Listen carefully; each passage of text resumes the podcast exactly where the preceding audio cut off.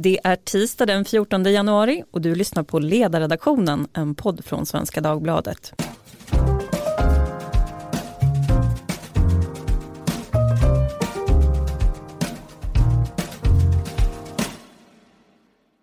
Jag heter Lydia Wåhlsten och idag ska vi prata om manipulering. Och det gör vi med anledning av att Knutbyrättegångarna inleds vid Uppsala tingsrätt idag. Det handlar om den person som i media är känd som Kristebrud, Åsa Waldau och två andra manliga pastorer från Knutbyförsamlingen som står åtalade för misshandel och sexuellt utnyttjande. Waldau misstänks ha misshandlat sex personer och DN sammanfattar det så här. Hon ska ha bitit en person i ansiktet, sparkat personen i magen, dunkat personens huvud mot en vägg och stuckit en gaffel i handen. Balder själv nekar till brotten som ska ha begåtts efter mordet i Knutby för 16 år sedan. Och ni minns kanske då att Helge Fossmo dömdes till anstiftan till mord på sin fru och att den här barnflickan som dödade henne också dömdes till rättspsykiatrisk vård.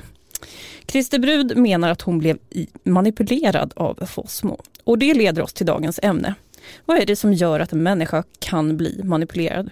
Och hur vet man om någon nära är med i en sekt eller bara har hittat Gud? Och om de är med i en sekt, hur kan man hjälpa dem?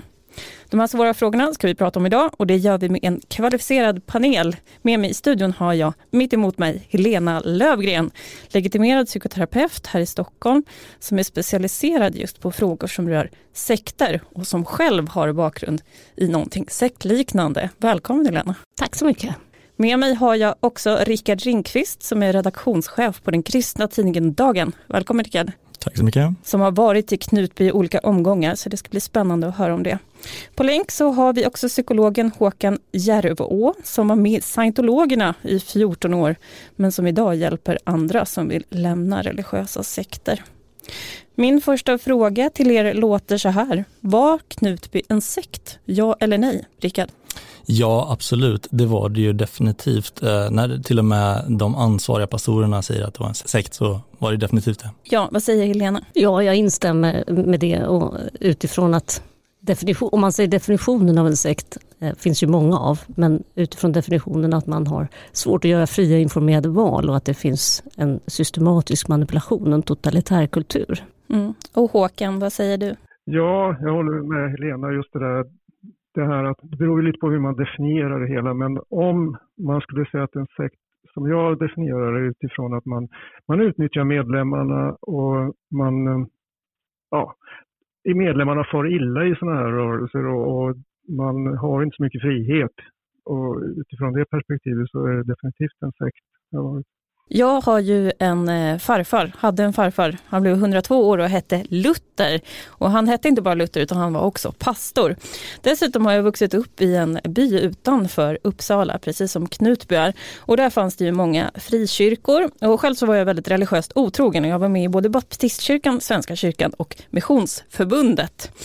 Men en dag så var det en ung predikant i en av de här kyrkorna som eh, sa att homosexualitet det är både onaturligt och orätt. Och jag minns då att det här kom som en chock för mig och sa att nej, hit ska jag inte gå något mer. Men Helena, du har varit inne på att olika människor har olika risk för att dras med i en sekt. Vad är det för risker? Jag skulle säga att det är att vi alla är sårbara i olika situationer eller perioder i livet. Inte att det är en viss typ av människor, utan det finns alla sorts människor i, i sekteristiska sammanhang. Men att vara sårbar kan vara att vara på en jordruntresa själv som jag, eller vara ny i stan, komma ur en relation, vara ny på jobbet. Det är sårbarhet som gör att man då är extra öppen för omvärlden. Och öppenhet är ju någonting härligt men det är också en sårbarhet. Mm. Du har ju varit med i något som heter Moonrörelsen och nu säger du att du, du attraherades av den på en jordet runt-resa. Kan du berätta vad som hände? Jag attraherades egentligen av vad de utgav sig för att vara, nämligen en studentgrupp som hade en camp och skulle prata om filosofi och politik och miljö. Så att de satte upp ett väldigt felaktigt skyltfönster. Så att jag gick ju med på att gå på ett öppet hus som ledde vidare till en camp på en vecka och sen redan under de här eh, första veckan så började den här otroligt välkoreograferade, systematisk manipulation som gjorde att jag eh, tappade fotfästet och gick med på att gå på nästa kurs och nästa kurs och så småningom så tappade jag förmågan att lyssna på rösten som tar, ta dig härifrån. Mm. Och Rickard, du eh, har ju koll på de kristna församlingarna i Sverige, kanske mer än någon annan.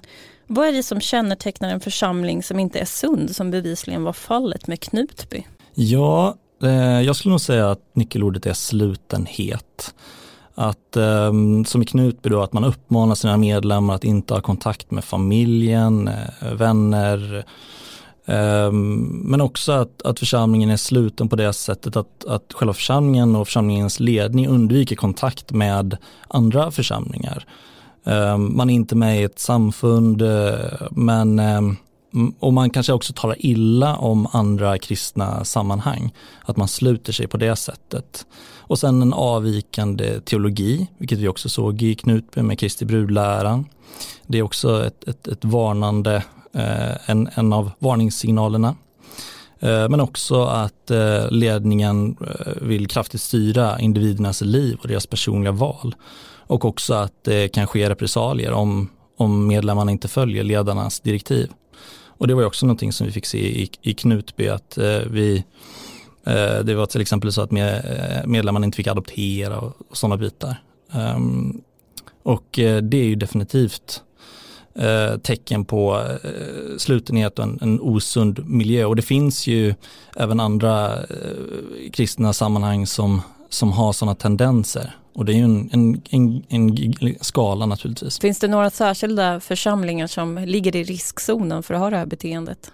Ja, eh, alla församlingar ligger väl i, i någon mån i riskzonen eftersom man hanterar människors själar. Det är ett enormt ansvar att göra det.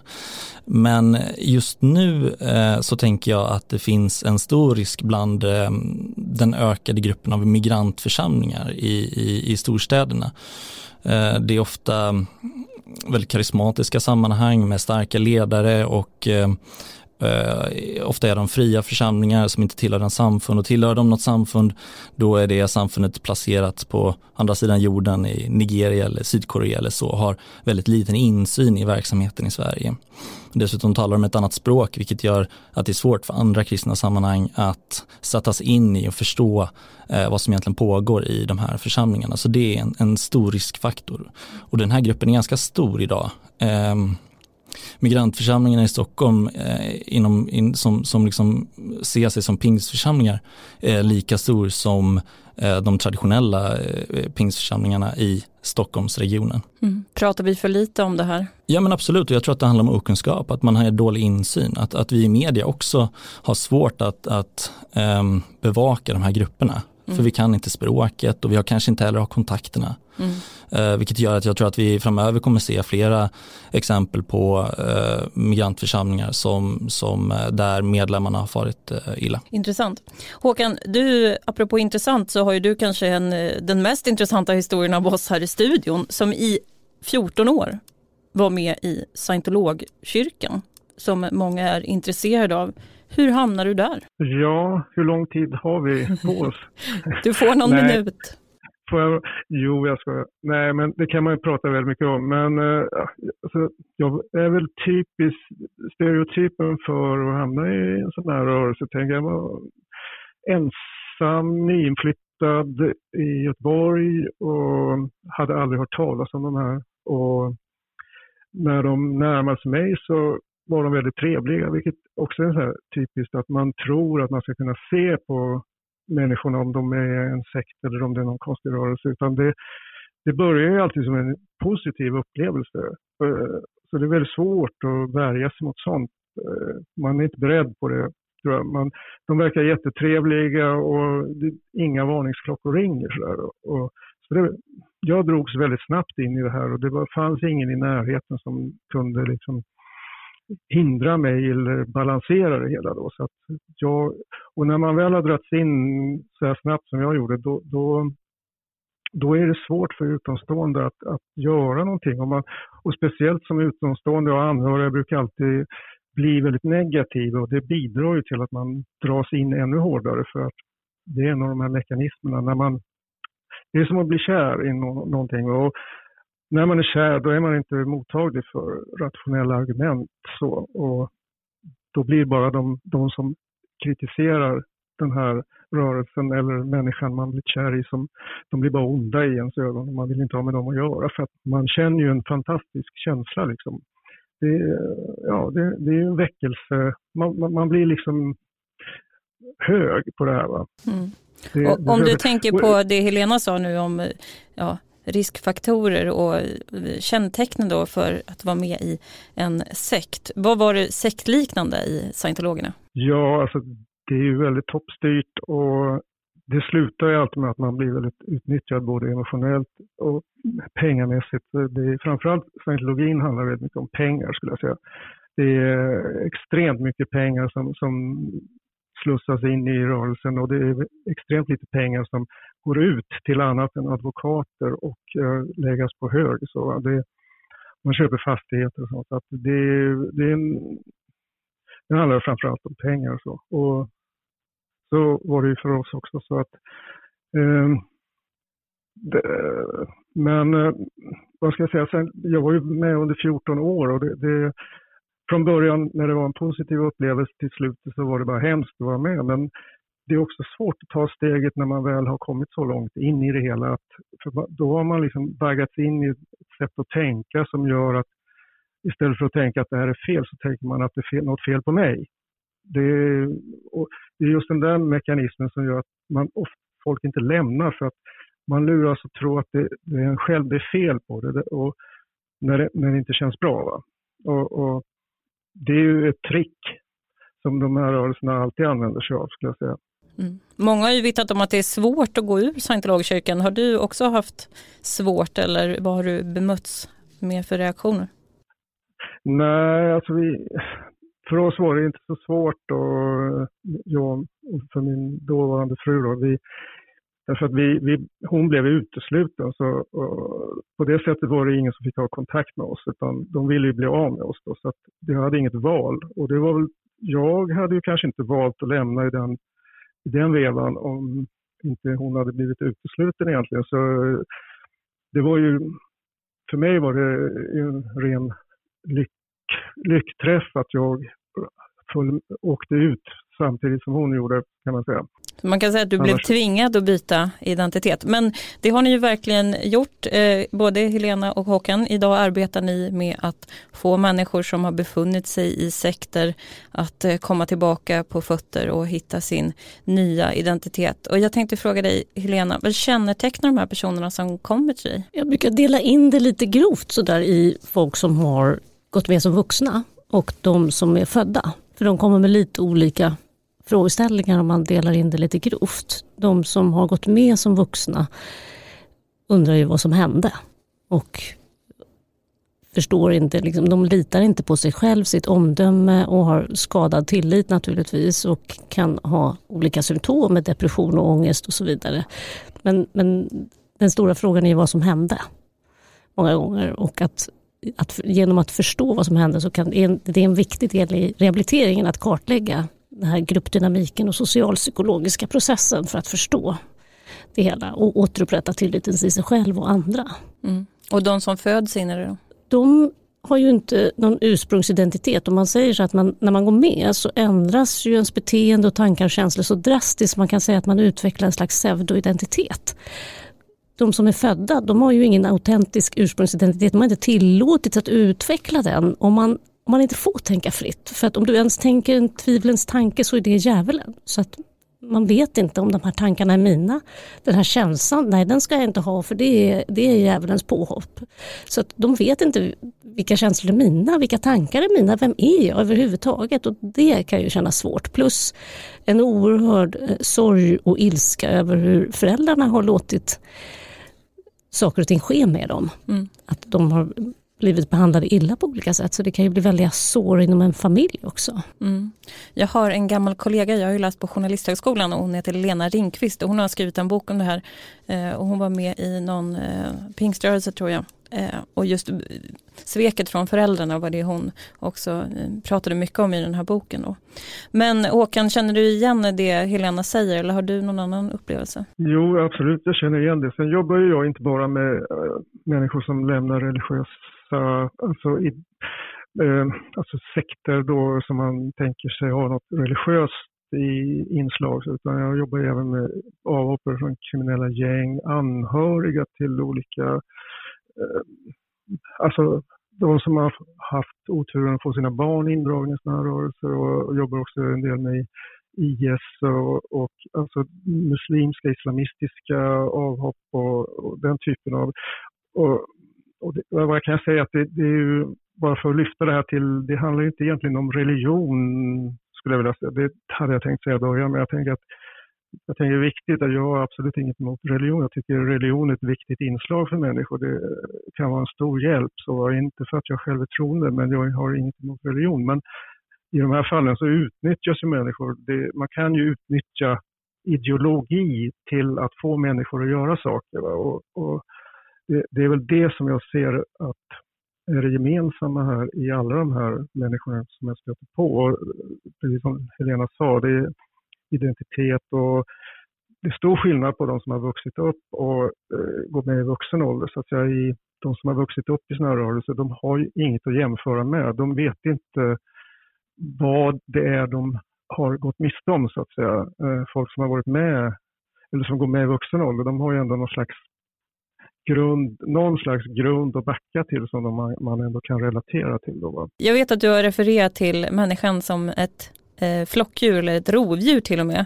Och att man behöver liksom den här typen av grupper men att det är skillnad då på en sekt som riktar sig mot de egna medlemmarna och någon som riktar sig utåt i sin våldsverkan. Vad är det där för skillnad? Jo, nej, precis. Det, och rovdjur, då, människor är inte rovdjur generellt utan vi är flockdjur och så finns det rovdjur bland oss om man säger så. Och, och just de här, kan, om man ska göra skillnad på de här grupperna, tänker jag att de här vålds... Grupperna som utövar våld utåt sett, de påminner mer om liksom, rovdjur i flock. Man fostras till att bli en varg eller någonting. Medan de här eh, mer inbundna religiösa sekterna mer handlar om typ att det finns någon som livnär sig på medlemmarna. Man utnyttjar medlemmarna, man håller dem fångna för att få någonting av dem. Och det är oftast sex och pengar. Eh, och, eller, alltså antingen eller, eller båda också. Alltså att, men, men det är som att man fångas av in i en rovdjurssfär och fås att tänka som ett rovdjur. Eller man fostras till att på något sätt in i det här tänket. Så, och, och det är väl också ett kännetecknande, tycker jag, för alla de här rörelserna, att man får medlemmarna att gå med på att göra saker som normala människor inte skulle göra. Som att liksom utsätta andra för våld. Det ska mycket till för människor att utsätta andra människor för våld. Och sen också gå med på den förnedring och, och de övergrepp som man kan utsättas för och tycka att man förtjänar det. det den typen av med ideologiskt kan man få folk att tycka att det är okej okay att bli utsatt för våldtäkt eller att man har ihjäl oliktänkande människor. Liksom. Mm. Det finns en podcast som drivs av en av fruarna till de tilltalade idag och eh, jag lyssnade på den innan den här podden och då sa hon just det här att det är svårt tror jag för utomstående att förstå den här rättegången. Eftersom att man måste de facto ha förstått ideologin och då sa hon att vissa av de här beteendena var ju rätt utifrån den här Kristi brud-ideologin och därför blir det liksom dubbelt att man ja, precis som i något klansamhälle så, så har man olika parallella rättssystem helt enkelt. Ja, Helena, du vill komma in. Det är som Håkan säger att det inte handlar om religion alla gånger och, och, och inte att ideologin är central utan det är som du säger, är man i en, en grupp där kärlek och rädsla blandas väldigt mycket så eh, blir det traumatiskt, precis som i en misshandelsrelation, att det kan bli en traumatisk relation och det gör att om du ska söka skydd hos den personen som skrämmer eller skadar dig så funkar inte hjärnan för du kan inte söka skydd i faran. Och den, den förklaringsmodellen att när det här händer, du hamnar i en omöjlig situation så slutar vissa funktioner att fungera. Just de här funktionerna som är viktiga för att kunna göra fria informerade val. Du kan inte tänka klart om du vill vara med. Så man fastnar i, i ett konstant rädslotillstånd och förmågan att ens skydda sig själv mot våld eller övergrepp eller sina barn. Den, den förmågan har man inte under de där omständigheterna. Och sen rationaliseras ju det här ofta av en ideologi och det är mer som, den kan ju se olika ut om det är en terapisekt eller en våldsverkande sekt. Men, mm. men det blir en rationalisering av ledarens sätt att binda medlemmarna till sig. Mm. För jag såg att i Aftonbladet så, så sa du så här. Det är en normaliseringsprocess i kombination med isolering. När det dessutom finns religiösa övertoner så blir det en otroligt giftig cocktail. Och då tolkar det ändå som att om det finns en överbyggnad eh, som bland annat då religionen erbjuder så finns det eh, en ännu större fara så att säga. Ja, den extra dimensionen är ju att den högsta chefen är Gud som inte är närvarande och som man kan hänvisa att jag har ensam kontakt med. Att man blir ett språkrör för Gud. Det är är det en terapeut som är i högsta ledningen eller någon eh, kriminell så, så är det ju ändå någon levande människa som man kan så att säga utvärdera. Mm.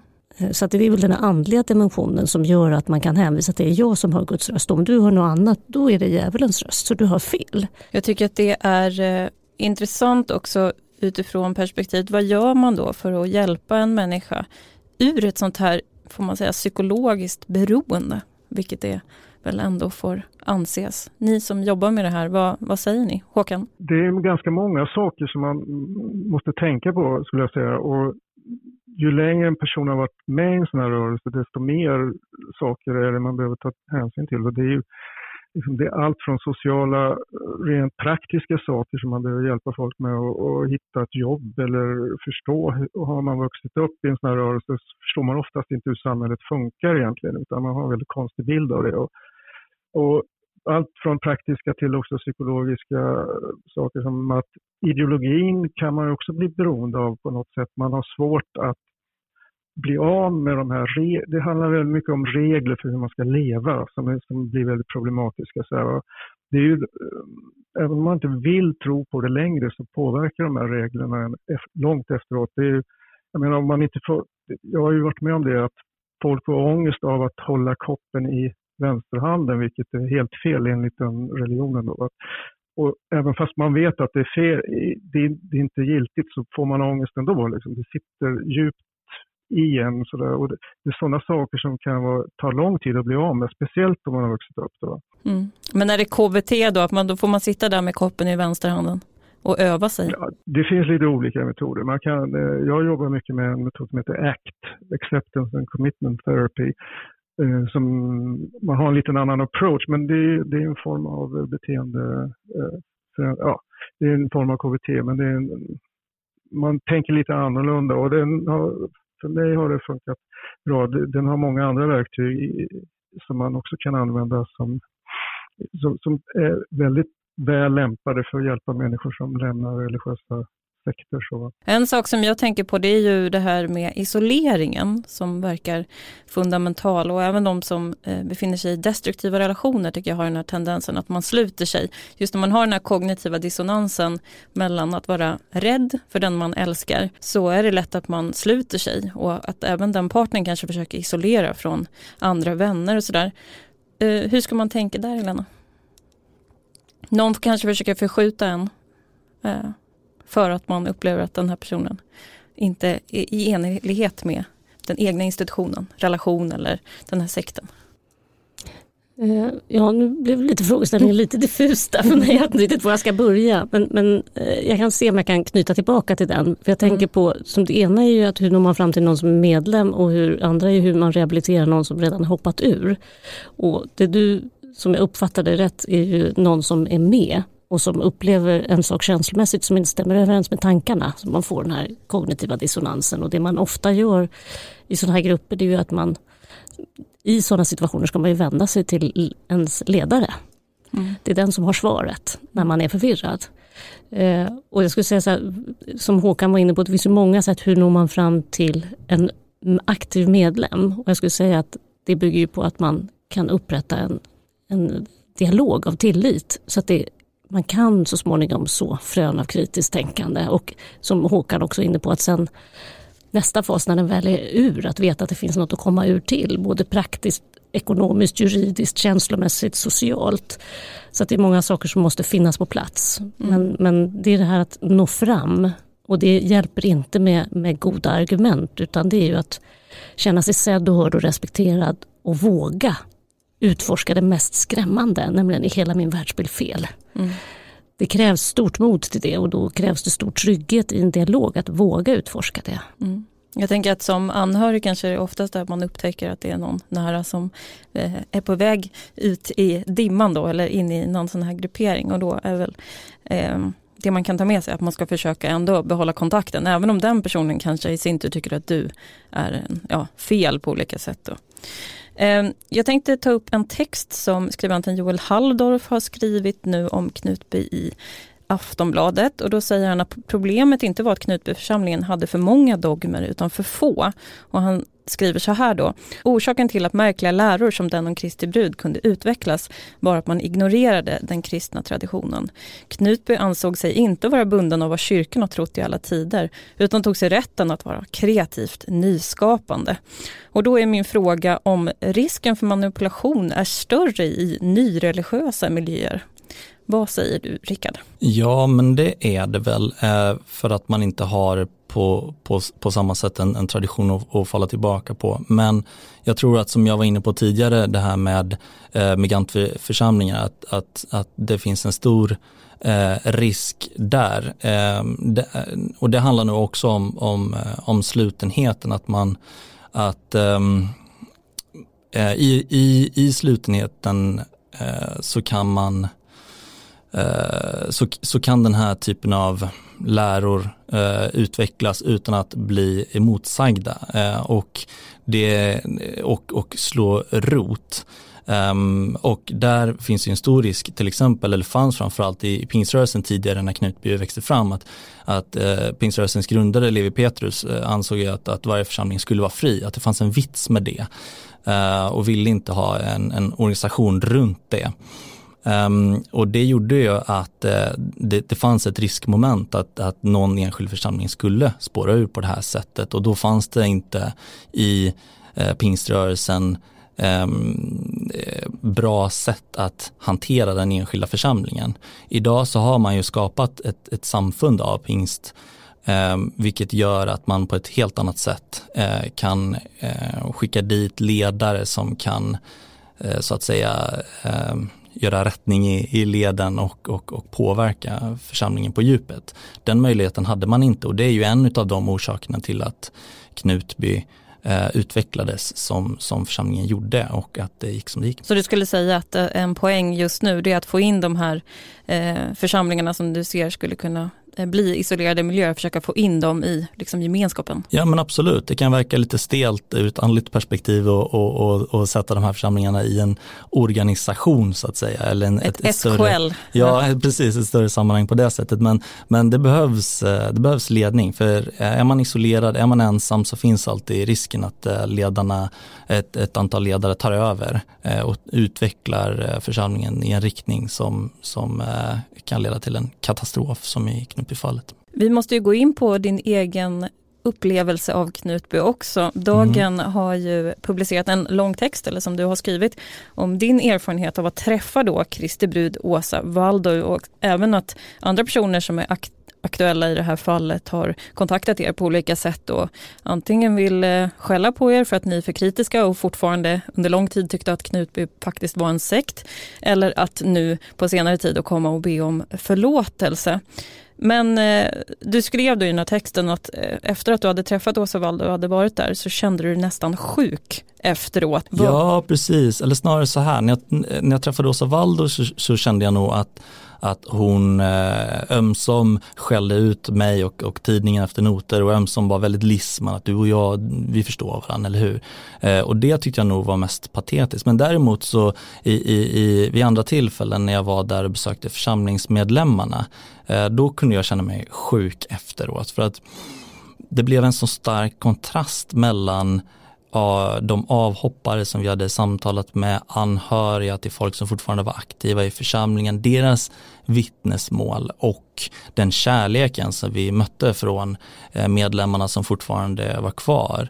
Eh, och hur mycket församlingen betydde för dem, hur mycket ledarna betydde för dem och i till skillnad från eh, hos Åsa Waldau så, så tycker jag att, att där fanns det ingen förljugenhet i, i deras ögon utan att, att eh, mycket av den glädjen och kärleken som de kände gentemot församlingen var äkta.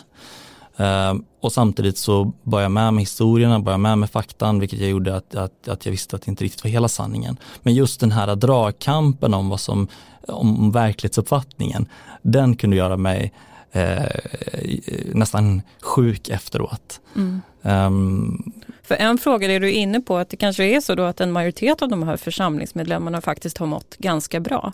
Och här kommer vi in då på både frågan, och, både och.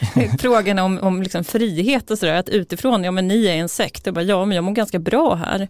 Och jag sa det till Håkan när vi pratade innan här, att ja, du är med i scientologkyrkan men du blev lovad framgång och en massa saker som ger liksom psykologisk behov, tillfredsställelse. Och det, visst det kostar pengar men ska inte människan då vara fri att göra det här ganska konstiga valet? Sen ja, så är, har det ju förekommit brott här då, men det är en annan sak. Men mm. hur ser du på den här balansen då mellan, mellan den fria, starka tron i en fast Eh, struktur och sekt. Ja men naturligtvis fanns det mycket som var positivt i Knutby, speciellt när, man, när medlemmarna kom dit från allra första början, vilket de allra första gjorde utifrån, att de, de flyttade till Knutby för att vara med i församlingen. Så självklart fanns det ju mycket som var positivt, en gemenskap och också eh, den här slutenheten gjorde ju att man upplevde att, att man var utvald och att man var speciell, vilket också eh, många medlemmar upplevde som någonting väldigt, väldigt positivt. Eh, att man tydde sig till varandra på ett sätt som man kanske inte gör i samhället överlag eller ens i andra kristna församlingar.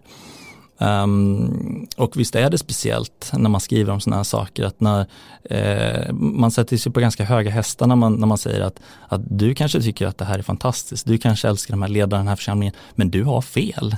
Eh, du borde inte göra det. Eh, och även om man sitter på fakta så är det en annan sak att, att möta en människas eh, blick och säga att eh, du är i ett vilset sammanhang. Vad säger Helena och Håkan då? Fungerar det att göra en intervention utifrån och, och gå in då i en sån här grupp och säga att eh, hallå där, ni är fullständigt irrationella här? Jag tänker på det du säger, man möter så olika bilder av avhoppare, anhöriga och medlemmar och jag skulle säga så här, som i då den här sektpodden så berättar de ju också om hur skönt det var när media var på plats för att då riskerade man inte de här hemska sakerna. Då kunde man slappna av och det var kanske de de trevliga stunderna som ni fick se. Så ni fick se ett skyltfönster. Men samma person kan ju vid andra tillfällen må dåligt. Så att det är ju inte att man antingen mår bra eller dåligt i gruppen. Utan man är i den här berg och dalbanan. Man mår bra en stund och så mår man dåligt en annan stund. Så att det är inte så svart, svartvitt så att säga. Och det är svårt att intervenera om, utan jag tror mer på den här att försöka bygga tillit, inte komma in som någon sån här, du har ett missbruk, vi behöver göra något åt det. Den, den slår ju bara totalt bakut, utan det handlar ju om att vara ödmjuk och nyfiken och respektfull och kunna ha en dialog. Så för att så småningom kanske kunna komma till det där samtalet. Det kanske inte sker vid ett tillfälle utan det är en process som kanske tar tid. Mm. Håkan, vad säger du? Ja, alltså det är ju min erfarenhet då av människor som hoppar av och de jag pratar med att den här bilden när man pratar med dem, och när de är med och de säger att allting är bra och fantastiskt. Det, sen när de, man pratar med dem efteråt så är det ju, det stämmer ju inte riktigt med verkligheten egentligen, men det har ett högt pris att säga något annat i sådana här rörelser. Och Därför, det är väldigt svårt att lita på vad de säger. För att det är ett högt tryck på att du ska må bra, annars så kommer du att få ett jävligt hårt straff. Så. Och det, det är också ett kännetecken för de här rörelserna att det, det, det, får bara finnas en verklighet. Och om man skulle drista sig till att på något sätt visa på att det fanns, finns en annan eller en balanserad bild, då, då råkar man illa ut sen. Så att det, det är en väldigt så här dubbelhet. Sen kan man må bra också naturligtvis, men min erfarenhet är också att ju mer man har varit med i en sån här rörelse, ju längre tiden har gått, desto mer straff har man råkat ut för och desto dåligare mår man stundtals. Men problemet är ju också att man, anledningen till att man inte säger det till någon utomstående är ju för att man anser att det är ens eget fel att man mår dåligt. Man har ju lurats att tro att anledningen till att jag mår dåligt ibland är för att jag inte tror tillräckligt mycket på det här.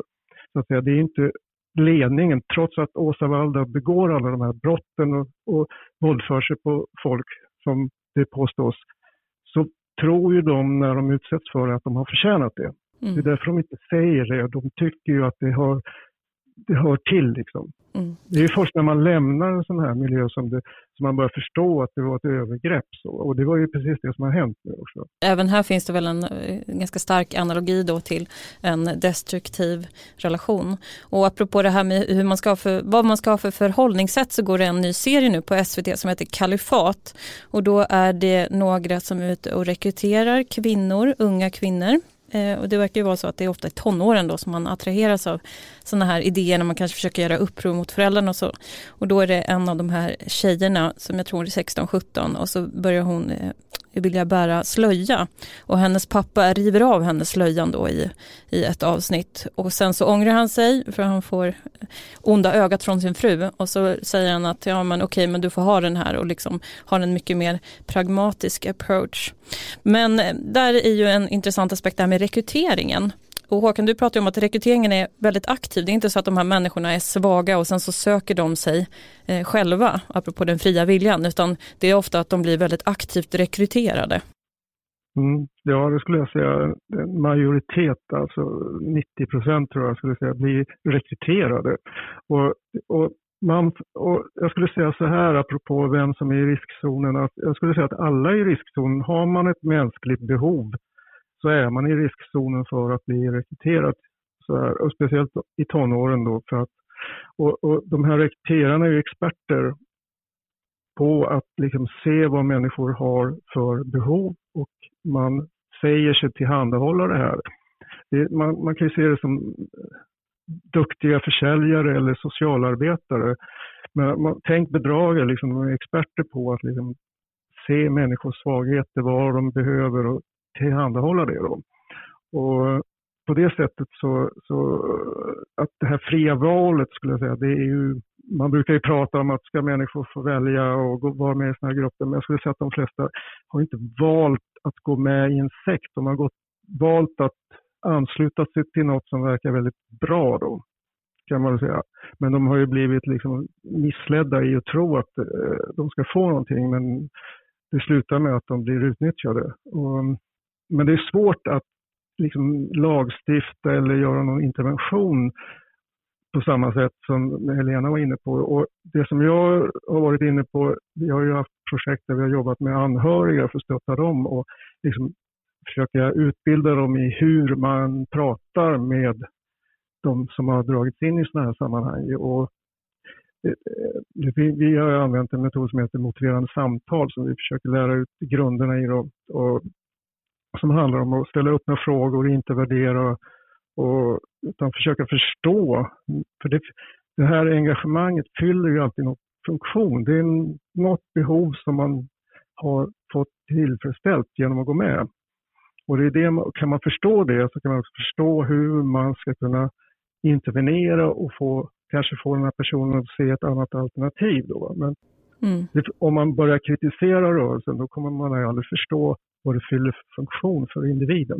Mm. Så det är jätteviktigt in, för alla anhöriga utomstående att inte bara kritisera och bli aggressiva utan man måste försöka närma sig personen tillit och försöka förstå. Va? Och det gäller väl på individuella planet men från medias sida just i Knutbyfallet får man säga att man faktiskt inte kritiserade tillräckligt utan tvärtom blev det Åsa Waldau nästan någon slags mediepersonlighet och nu hade Knutby läkt och så vidare efter att då Helge Fossmo som att man, nu hade man dragit upp roten och därför skulle liksom allting bli frid och fröjd igen.